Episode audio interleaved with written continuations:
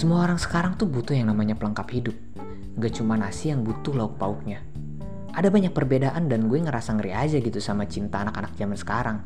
Kayak pulang malam dan cipokan di depan umum itu udah jadi hal yang lumrah bagi mereka. Ada nih anak pakai seragam SMA keluar dari Red Doors dan bilangnya habis kerja kelompok. Alasannya dia pengen suasana baru dan kerja kelompoknya lebih nyaman di ruangan ber -AC. Ya walaupun gue pura-pura gak tahu aja gitu. Kalau bekas cupangan di lehernya tuh kelihatan banget. Anak-anak sekarang tuh udah mulai berani sumpah. Bahkan bisa lebih ekstrim gitu. Gue baca sesuai berita ya, katanya ada anak yang bilang dia bipolar meskipun diagnosa sendiri dan kemudian melakukan percobaan bunuh diri. Eh pada akhirnya ketahuan kalau dia habis patah hati dan diputusin pacarnya. Ada loh yang kayak gitu. Bahkan panggilan sayangnya juga udah bukan I, Beb, yang tapi udah ayah bunda gue malah makin ngeri kalau mereka bahas di sosmed gitu ngasih nama anak mereka nanti tuh apa.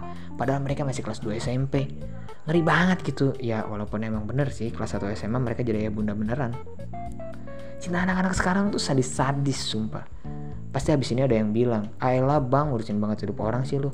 Sebenarnya gue bisa gitu nahan biar episode ini nggak keluar tapi kayak gak bisa gitu. Kelakuan anak-anak sekarang tuh udah semakin di luar nalar Kemarin gue lihat nih anak SMP bonceng tiga si ceweknya itu nangkring di depan. Kayak nggak sekalian aja lo duduk di stang gitu. Ngapain maksudnya? Terus kayak bawa motornya juga ugal-ugalan dan knalpotnya juga bising gitu. Iya gue tahu otak mereka memang belum tumbuh sepenuhnya. Cuma ya jangan juga bikin caption di Instagram nanas muda emang bisa gugurin kandungan dan profile lo masih baju SD. Nggak gitu anjing maksudnya apaan gitu. Bahkan ada yang bikin status Facebook dapetin kamu aku berhenti nakal sambil pegang botol Amer. Anjing parah banget. Cinta anak-anak zaman sekarang tuh sadis-sadis sumpah. Beneran deh, parah banget. Gue tuh iri deh sebenarnya. Iri ngerti gak sih? Anjir lah.